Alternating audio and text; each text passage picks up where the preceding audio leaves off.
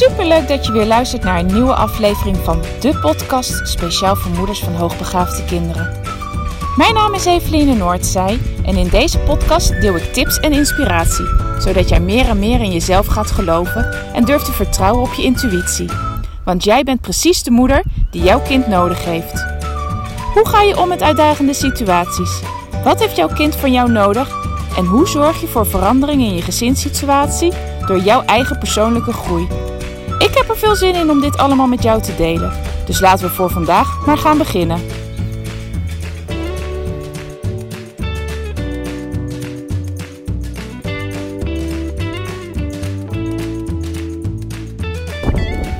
Ha, lieve luisteraar. Vandaag weer een nieuwe podcast, een thema-podcast. En deze keer gaan we het hebben over schermgebruik. Dit naar aanleiding van een vraag van een moeder in uh, de Facebookgroep die ik twee jaar geleden heb opgericht. Hoogbegaafdheid, opvoeden en onderwijs. En dat ging over haar zoon, de vraag die somatische klachten heeft. En of die somatische klachten veroorzaakt kunnen worden door uh, ja, veel online prikkels. In eerste instantie had ik niet uit de vraag gehaald, maar dat haal ik er nu wel uit nu ik het nogmaals door heb gelezen. Wat ik begrijp is dat deze uh, jongen op school heel veel online doet. Dus hij krijgt zijn huiswerk online, maar ook heel veel oefenwerk online. En mijn vraag is: uh, want ik heb die vraag wel gesteld, maar nog op, tot op heden geen antwoord gekregen. Dus ben jij degene die deze vraag aan mij heeft gesteld? Ik zou het heel fijn vinden uh, om te horen van jou van... gaat het nu echt om de hoeveelheid online prikkels die hij gedurende de dag op school krijgt? Of gaat het om de prikkels die hij na schooltijd krijgt? Um, want als het gaat echt om naschooltijd, dan begrijp ik die niet zo goed. Mede ook omdat deze moeder schreef dat hij eigenlijk lief, het liefst zijn huiswerk niet doet. En het liefst uh, uh, daar zo min mogelijk mee bezig is. En leert van de uittreksels van anderen. Wat natuurlijk ook nog steeds op een scherm kan zijn. Dus, maar daar ben ik dus even benieuwd naar. Um, maar even in het algemeen gezegd, zou ik als het gaat over somatische klachten en in dit geval bij deze jongen gaat het over buikpijn en hoofdpijn, zou ik heel goed de hoofdpijn kunnen verklaren. Uh, wanneer de kind, kinderen, maar wij natuurlijk als volwassenen ook, uh, veel bezig zijn met een scherm, dan zijn onze ogen heel erg gericht op één punt. Er is weinig variatie. Terwijl als wij thuis bezig zijn of je hebt een ander soort beroep waarin je niet zoveel op een scherm hoeft te kijken, dan gebeurt er natuurlijk dat jij de ene keer iets van dichtbij bekijkt, de andere keer weer van ver af. Er is dus veel meer afwisseling, veel meer variatie voor je ogen. En dat gefocust zijn op één punt, dat zou heel goed de, de hoofdpijnklachten kunnen veroorzaken.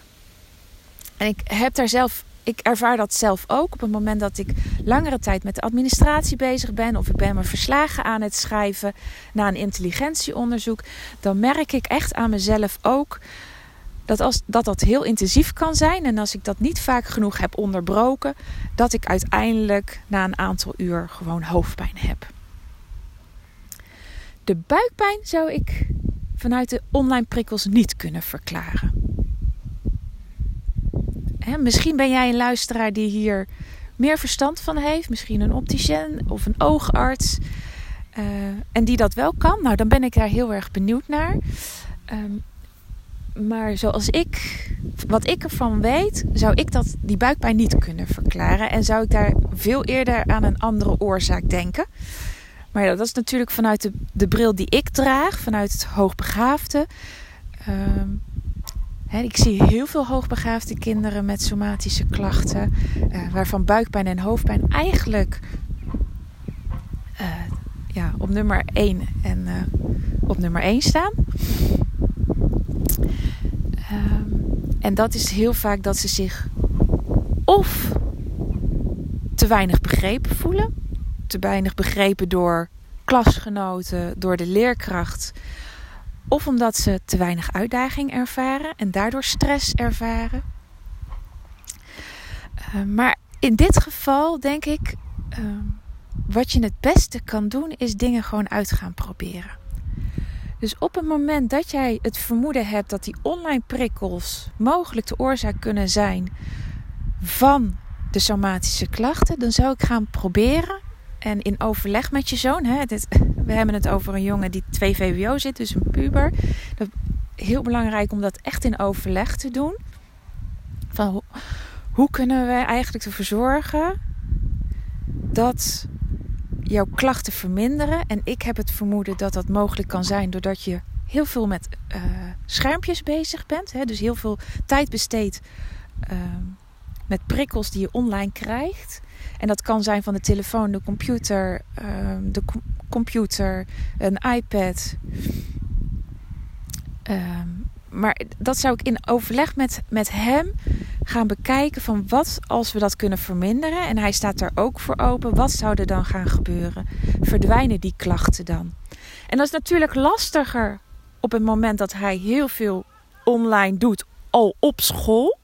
Dan heb je daar minder uh, invloed op. Uh, maar dan zou je hem wel de tip kunnen gaan geven om uh, het de momenten die hij op zijn scherm kijkt af te wisselen met om zich heen kijken. En daar wordt het advies ingegeven, het algemene advies, om 20 minuten op een scherm te kijken en dan minimaal 20 seconden weer in de verte te kijken, zodat die ogen meer afwisseling krijgen. En als hij dat ook zou kunnen toepassen op school en daarnaast in zijn vrije tijd het schermgebruik kan verminderen en ja, misschien wat meer kan gaan sporten of meer buiten kan zijn. Ehm, dan zou je kunnen kijken wat dat met de somatische klachten gaat doen. En is dat niet voldoende, dan zou ik toch echt op zoek gaan naar een andere oorzaak. Ehm, en zit hij dan in te weinig uitdaging, de verkeerde uitdaging, ehm, zich onvoldoende begrepen voelen, uh, zich niet op zijn plek voelen. Uh, want somatische klachten zijn wel eigenlijk, zoals de kinderen die ik zie, bij de kinderen die ik zie, zijn de somatische klachten eigenlijk altijd wel een teken of een uiting van stress. Dus dan is het zoeken naar de oorzaak van die stress. Nou, ik hoop dat ik je vraag op deze manier voldoende heb kunnen beantwoorden. Zo niet, laat het me weten. Je zit in die groep, dus uh, laat het me weten. Maar je mag dat ook doen even in een privébericht. Dit we, met deze vraag bedacht ik van dat is een leuk thema. En toen heb ik gevraagd van welke uh, vragen zijn er nog meer als we het over dit uh, onderwerp hebben. Nou, toen kreeg ik de volgende vraag. Uh, mijn kind kijkt best wel veel televisie. Of op de iPad of op de, gewoon op de televisie zelf. maar ik vind dit veel te veel. Ik wil de schermtijd graag beperken. Hoeveel schermtijd is nu eigenlijk normaal voor kinderen? Nou, dat vind ik ook een heel lastig uh, te zeggen. Mede ook omdat de onderzoekers hier ja, het gewoon niet met elkaar altijd over eens zijn. Maar er zijn wel wat richtlijnen waar je mogelijk iets aan kan hebben. En dan hebben we het over Kinderen die tussen de 4 en de 6 jaar zijn, ongeveer 4 keer 15 minuten per dag. Tussen de 6 en 8, 2 keer 30 minuten. Tussen de 8 en 10, anderhalf uur. En tussen de 10 en 12 jaar, 2 uur.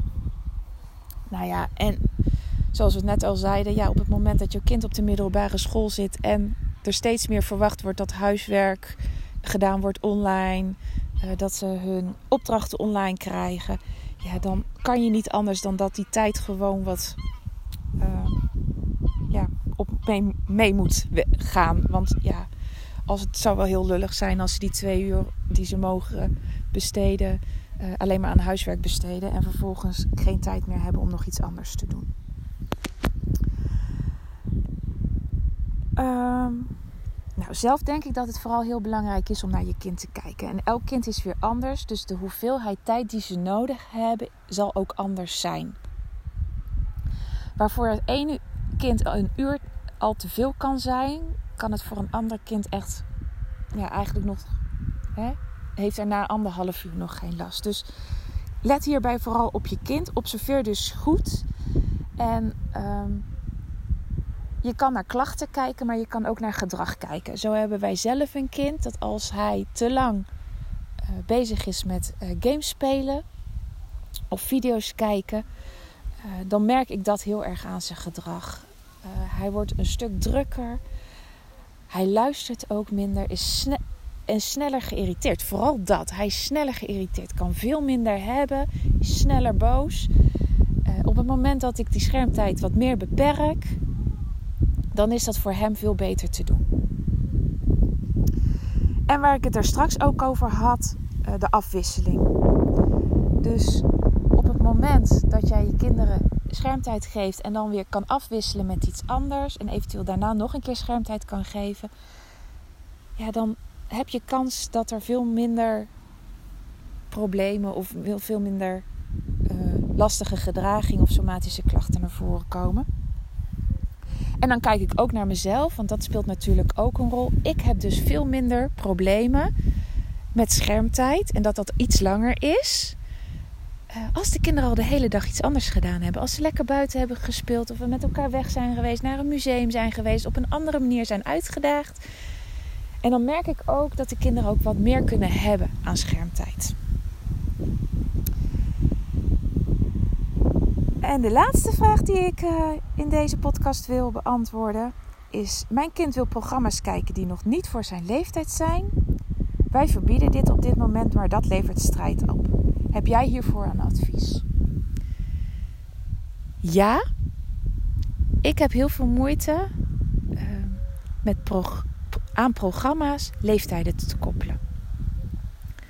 En zeker bij hoogbegaafde kinderen zie je dat hun interesse en hun niveau en wat ze aankunnen vaak op een ja, heel anders liggen dan bij kinderen van dezelfde leeftijd. Voor mij is leeftijd, of de leeftijd die aan een programma gehangen wordt, totaal niet leidend.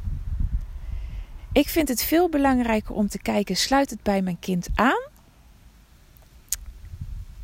En is, ligt het in het interessegebied van mijn kind? Kan mijn kind dit zelf goed handelen? En is mijn, zijn de antwoorden daarop ja? Dan mag mijn kind dat gewoon kijken. En dat betekent dat ik kinderen heb die volwassen films bekijken. Of dat ik ook de jongere kinderen kijken televisieprogramma's die echt bedoeld zijn voor oudere kinderen. En dat kunnen ze aan merk ik dat een kind dat niet aan kan. En dat hoor ik ook wel eens van ouders terug. Ja, maar mijn kind wordt er heel angstig van als ze dat kijken. Of ze kunnen daardoor niet slapen. Ze worden daar in de nacht wakker van. Ja, als dat het geval is, dan kan je altijd nog zeggen van joh, we hebben het geprobeerd, maar zie jij ook of merk je ook, je wordt er bang van. Het is, je, je slaapt daardoor niet zo goed. Dus ik denk dat het niet verstandig is dat je dit nog blijft kijken. Dan kan je het altijd weer terugpakken. Dus ga.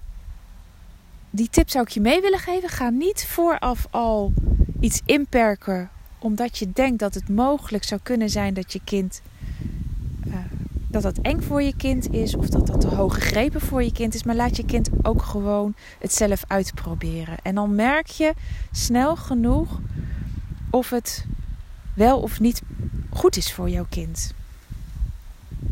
En maak hè, op het moment dat jij daar nu heel veel strijd over hebt, maak daar dan ook gerust een afspraak over met je kind. Van oké, we proberen het, we proberen het een week of we proberen het uh, drie keer uit. En dan hebben we het met elkaar over hoe dat voor jou is, hoe jij erop reageert.